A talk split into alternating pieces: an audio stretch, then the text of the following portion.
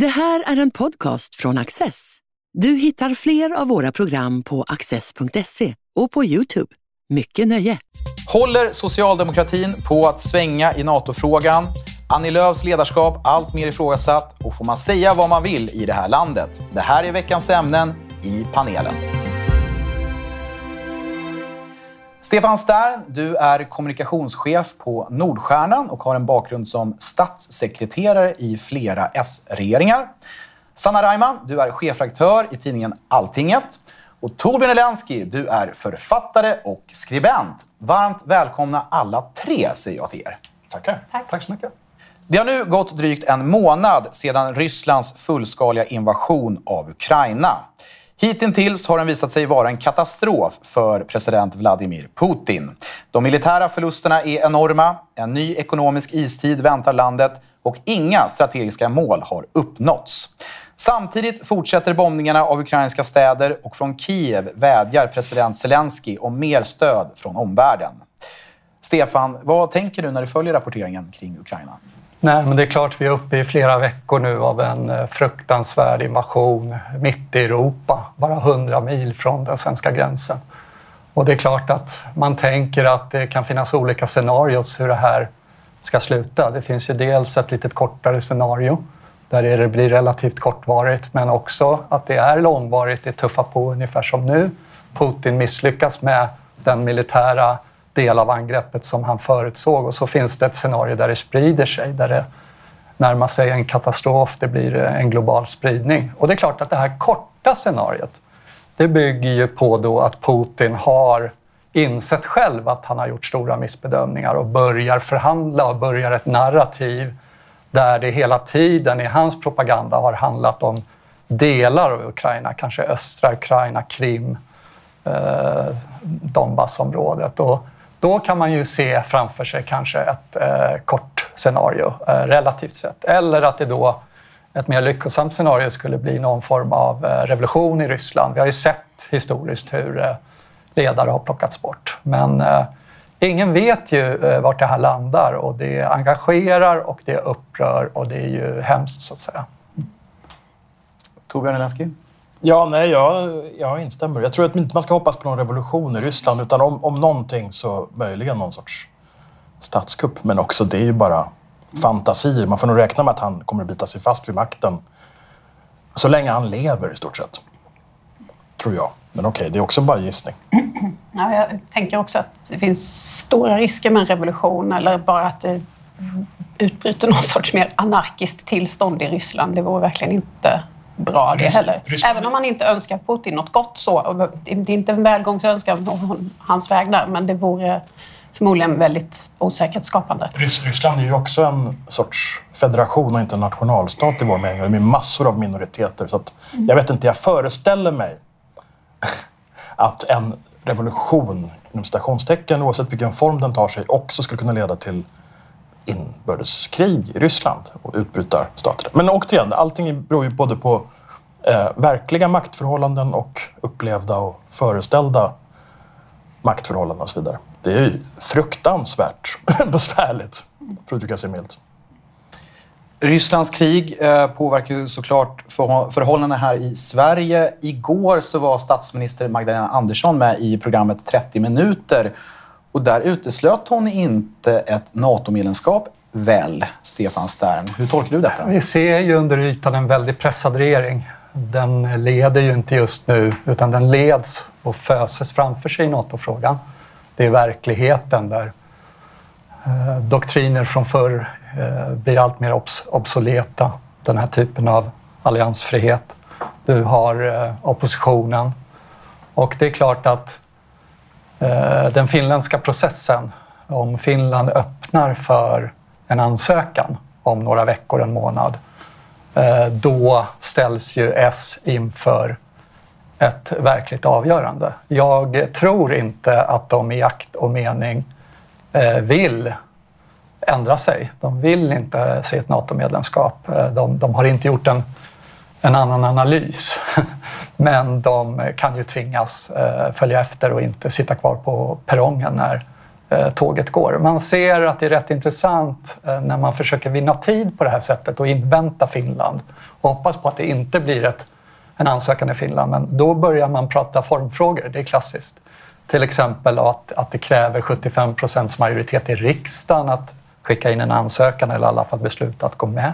Ja, det är bara det att de här 20 bilaterala uppgörelserna som, som försvarsministern har gjort som också syftar till skydd vid krig, de har ju inte underställts riksdagen och ännu mindre 75 procents majoritet. Och man börjar diskutera eh, formfrågor eh, i, i, vidare mening, att man, man gör en analys i en, eh, i en eh, församling av flera partier. Och så. så det är en pressad regering.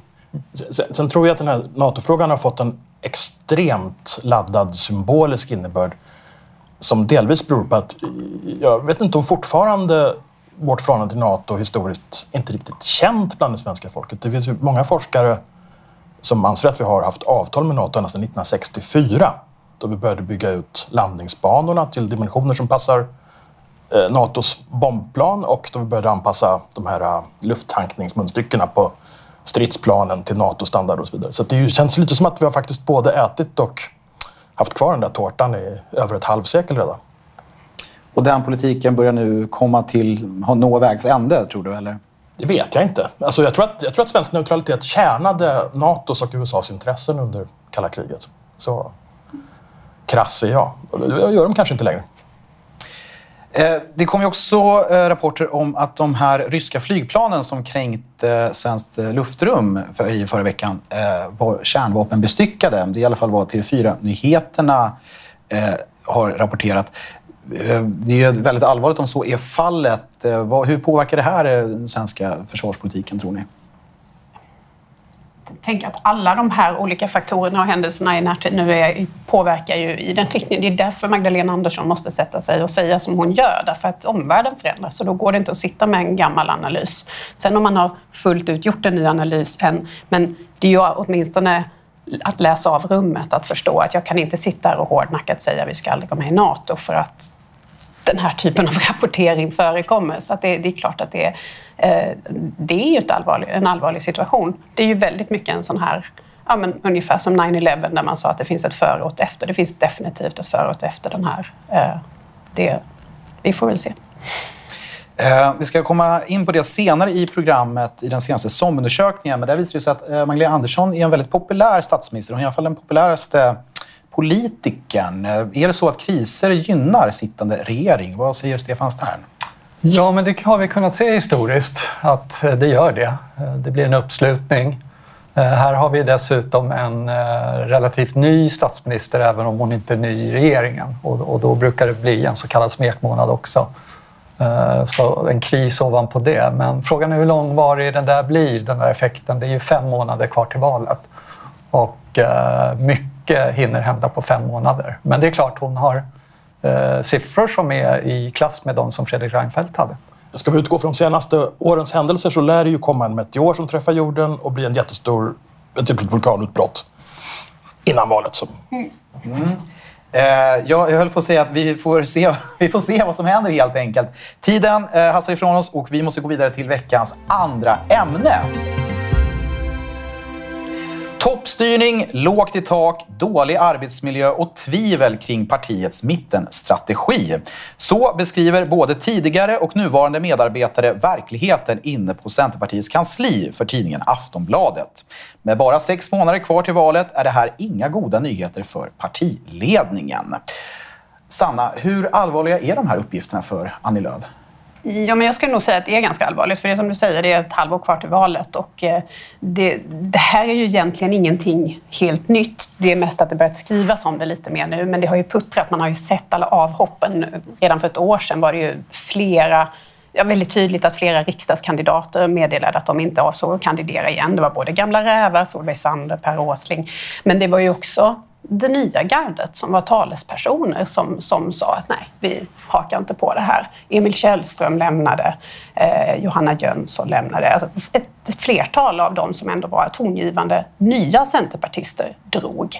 Eh, och det är ju ganska uppenbart, även om man försöker på olika sätt att hänvisa till, som till exempel stabschefen, eh, som mm, lät hälsa i januari någon gång att han inte skulle stanna kvar. Och då sa han liksom att men jag har fått ett, eh, ett så spännande erbjudande i näringslivet som bara är för bra för att tacka nej till eller något sånt där. Och sen blev det klart några månader senare att han skulle bli konsult. Och alltså förlåt, men det där är liksom inte ett jobberbjudande som är sådär once in a lifetime-erbjudande för någon som har varit Saabs-chef för ett riksdagsparti, utan det där kan du få ändå sen. Så att det är klart att det finns något här som inte, inte är okej. Okay. Ja, jag har ingen inblick alls naturligtvis i Centern, precis som jag inte har i Kreml, men, men jag har en känsla av att när chefer sitter väldigt länge så byggs det upp, kan det byggas upp osunda eh, kulturer runt dem. Och jag vet inte, intrycket som vanlig väljare är att eh, Lövs ledarstil har byggt väldigt mycket, åtminstone utåt, på eh, slagord, soundbites och karisma. Liksom. Jag vet inte. Det är ju mycket möjligt att en sån ledare, om den ens till en liten del kör sån stil internt, så är det ju ingenting som drar till sig begåvningar. I längden i alla fall. Stefan? Nej, men jag är alltid skeptisk till den här typen av anonyma eh, källor i en kvällstidning. Det tar jag inte så... Eh, jag, tycker inte man ska förstora det, utan det är, eh, finns alltid multipla syften i, i sådana här källor i politiken. Men däremot så tror jag att det är uppenbart att Centern har ett politiskt problem. Och det är klart att Centern har lyckats vidga sin väljarkrets. De gick från glesbygdspartiet eh, till att också göra inbrytningar i storstad. Och nu har de ju det, det, i det närmaste i, i, stor utsträckning bytt väljare. Men för de som är eh, centerpartister och anställda, de som, är, som brinner för Centerns idéer, de är ju förstås inte i den här verksamheten för att stödja en socialdemokratisk statsminister eller stödja en vänsterregering. Och där tror jag att problemet ligger. Eh, oavsett att det kan finnas individuella skäl för varje individ varför man har gjort ett vägval och så. Och jag tror att den här politiska dimensionen av hennes problem kommer bara öka. Mm, Därför att stödjer du en S-regering så kommer du få eh, Vänsterpartiet, Miljöpartiet på köpet. Och eh, du kommer se en retorik från S i valrörelsen som är väldigt, väldigt långt från den eh, den syn som Annie Lööf faktiskt har. Mm. Eh, så att det här är ett politiskt problem som jag ser det och det kommer bara öka och det kommer vara svårt för Centern att stödja den här sidan av politiken eh, efter, efter valet, även av de här skälen som, som berörs här. Det tror jag verkligen också. Jag tänker att det där går ju hand i hand. Därför att har du i en politisk organisation där människor befinner sig för att de vill förverkliga politik och har väldigt starka åsikter och man då samtidigt ser att vi förhåller oss till en massa mätningar och vi ser att väljarna tycker något helt annat än jag. Det blir ett arbetsmiljöproblem därför att du vill inte driva en massa frågor bara för att få väljarnas gunst om det är helt emot. Och, och det är ju där man hamnar nu, att man, det, det finns en väldig krock. Eh, sen tror jag, undrar jag undrar om inte ganska många partier har utvecklat en sorts problem med spänningen mellan ledningen och fotfolket, mellan kommunalpolitiker och riksledning, mm. som generellt hänger ihop, skulle jag säga, med faktiskt växande demokratiproblem. Att partierna i så hög grad har blivit en sorts intresseorganisationer för den egna ledningen i stort sett inom partierna. Det är en sorts märkliga företag där det handlar om att få andelar. Det är någon, det jag skulle vilja säga att det här är ett, ett, ett uh, mera djupgående problem än bara Centerns och att det faktiskt är en av, ett av de stora hoten mot demokratin.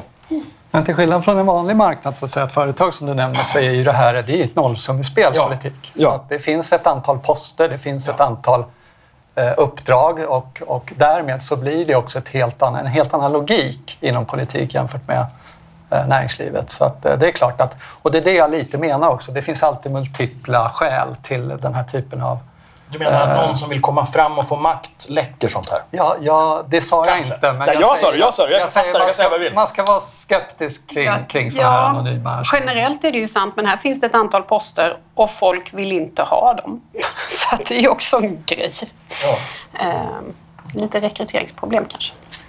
Eh, jag såg att eh, många liberaler var ju besvikna på eh, ideologiska liberaler, ska jag säga, var ju besvikna på Centerpartiet häromdagen för att de har gått fram med att de vill ha en sockerskatt på läsk.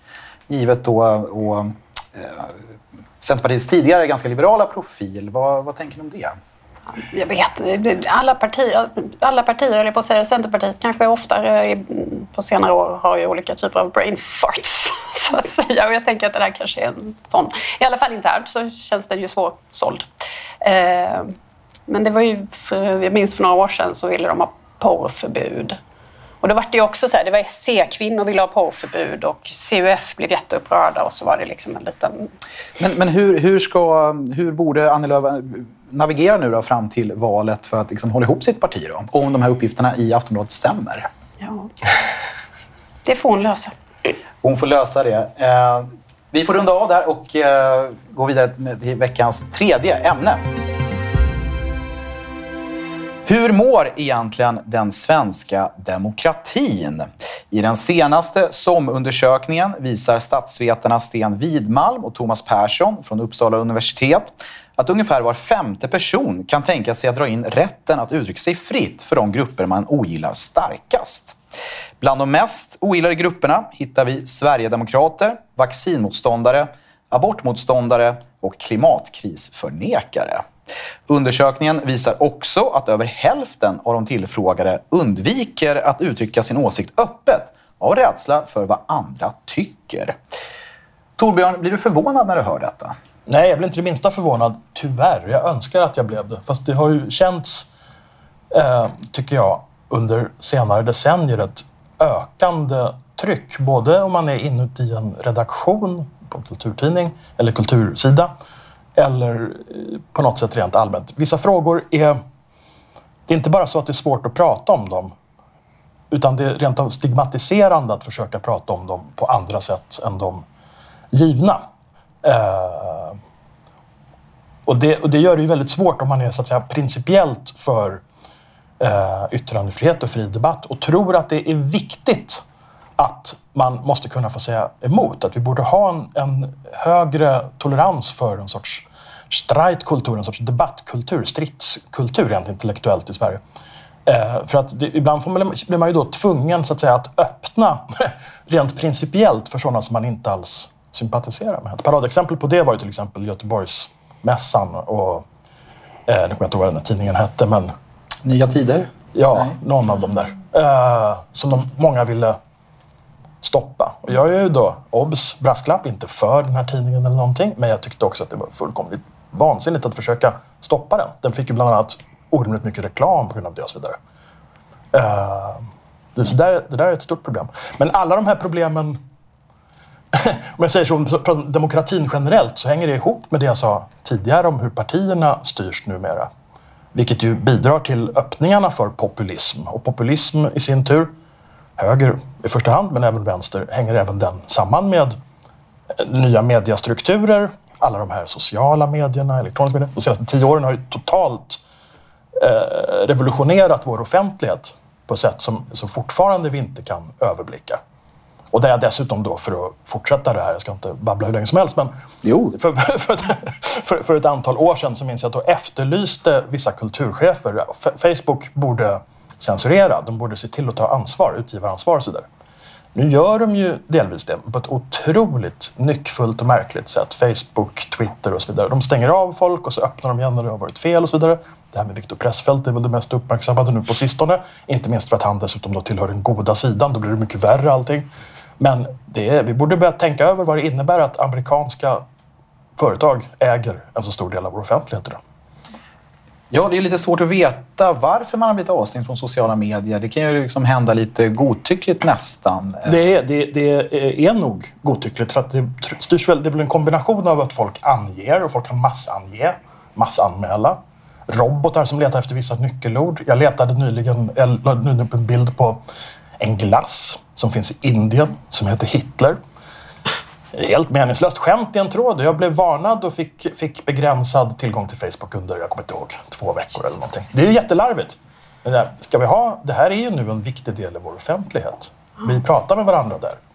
Utbyter nyheter. Man ser hur nätverk konstrueras. Och man dekonstruerar. Ja, det är allvarligt. Sanna, vad tänker du? Ja, nej, men jag tänker väl samma. Att det, det, det är ju inte förvånande och jag tror att ändå, om man ska, vi hade en stor diskussion om åsiktskorridoren för ett antal år sedan och sådär och jag tror nog att vi har nått en bit ändå i det att man ändå många fler, för då var det ju nästan en diskussion om huruvida den finns eller inte.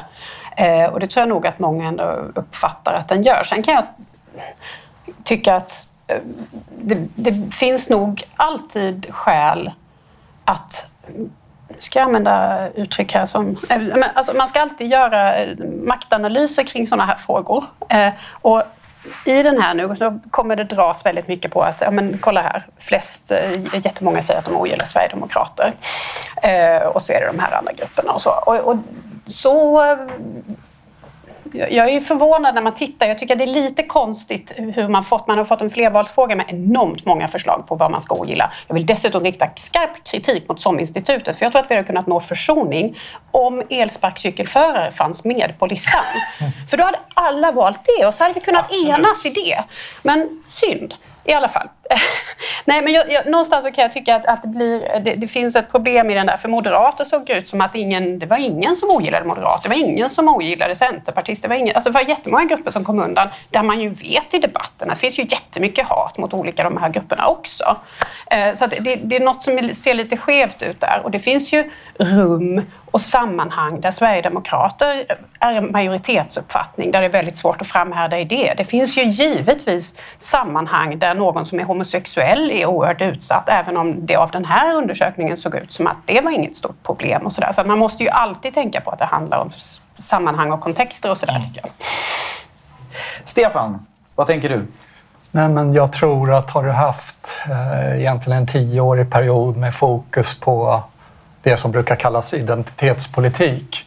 Alltså där du har Ehm, en kränkthetskultur inom stora delar av akademin där man blir bekymrad och försiktig beroende på hur olika grupperingar som tar upp olika frågor känner sig kränkta. Du har den här woke-rörelsen som har spritt sig eh, till delar av näringslivet och du har eh, den politiska kontexten där, där de här frågorna driver. Då får du till slut en cocktail där allting blir väldigt polariserat Eh, och där eh, toleransen och där det som är så att säga, pluralismen i samhället inte längre är viktigt därför att eh, eh du får den här korridoren som Sanna nämner. Och det, så att jag tror att det är, det är en frukt av det.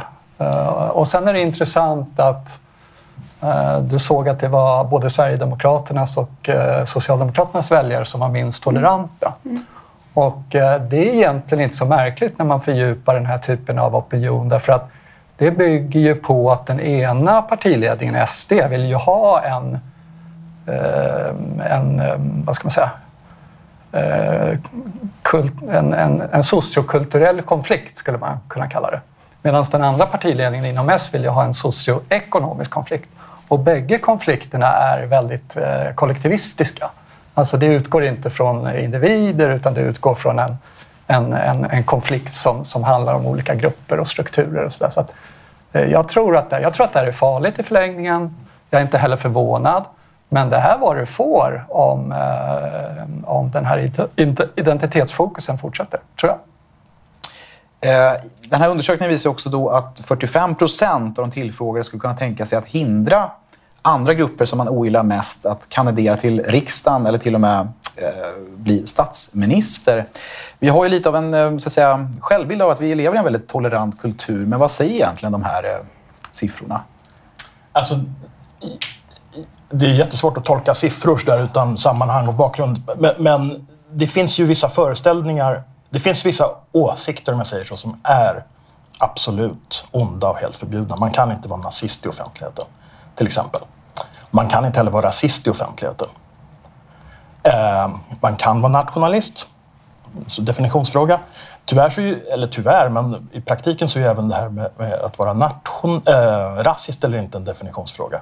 Som dessutom har, alltså man har vidgat och förändrat definitionerna av vissa ord på sådana sätt att det blivit väldigt, väldigt svårt att eh, hantera frågor. Det har varit väldigt lätt att just kalla folk för rasister. Jag skulle säga att det är ett av de stora problemen. Nu är ju verklig rasism också ett problem. Det ska inte negligeras. Men den blir ju inte hjälpt av att man så att säga vidgar begreppet på ett sätt som gör att det blir ohanterligt. Ja, den, den, gamla rasismen bygger ju på grupptänkande just. Ja, ja. Och, och den nya identitetskollapsen liksom, eh, kollapsen här bygger ju också på grupptänkande. Ja, Så- fast, så på, att det är fast, ju- fast på ett ot, o- otroligt alltså, svårföljt och förvirrat liksom, Mm. postmarxistiskt grupptänkande där liksom, i, i princip Will Smith kan agera ut eh, white supremacy när han går fram och ger eh, Chris Rock en örfil eller snyting eller vad det var för någonting. Alla tittare kanske inte följer Oscarsgalan. Så, eh, Will Smith då... Eh, Chris Rock drog ett skämt om Will Smiths fru, bara Will Smith går fram och slår Chris Rock på ska man inte käften. Och det ska man inte göra. Nej. Eh, Sanna? Ja, nej, jag vet inte, alltså just den där med att hindra människor från att ställa upp i val och, och, och alltså, jag tyckte de siffrorna var så höga att jag har lite svårt att svälja dem. Alltså, det känns som att något är... Hur skulle de hindra dem? Ja, det är det jag inte... Alltså det är det, förstår man frågan? Vad menar man när man svarar ja på den? Jag, jag- jag, kan inte riktigt svälja... Jag, nej, jag tror inte. Jag tänker inte tro att det är så här. Det har ju å andra sidan funnits, återigen för att återkomma till det här besvärliga begreppet rasism, det har ju funnits idéer om att förbjuda rasistiska organisationer.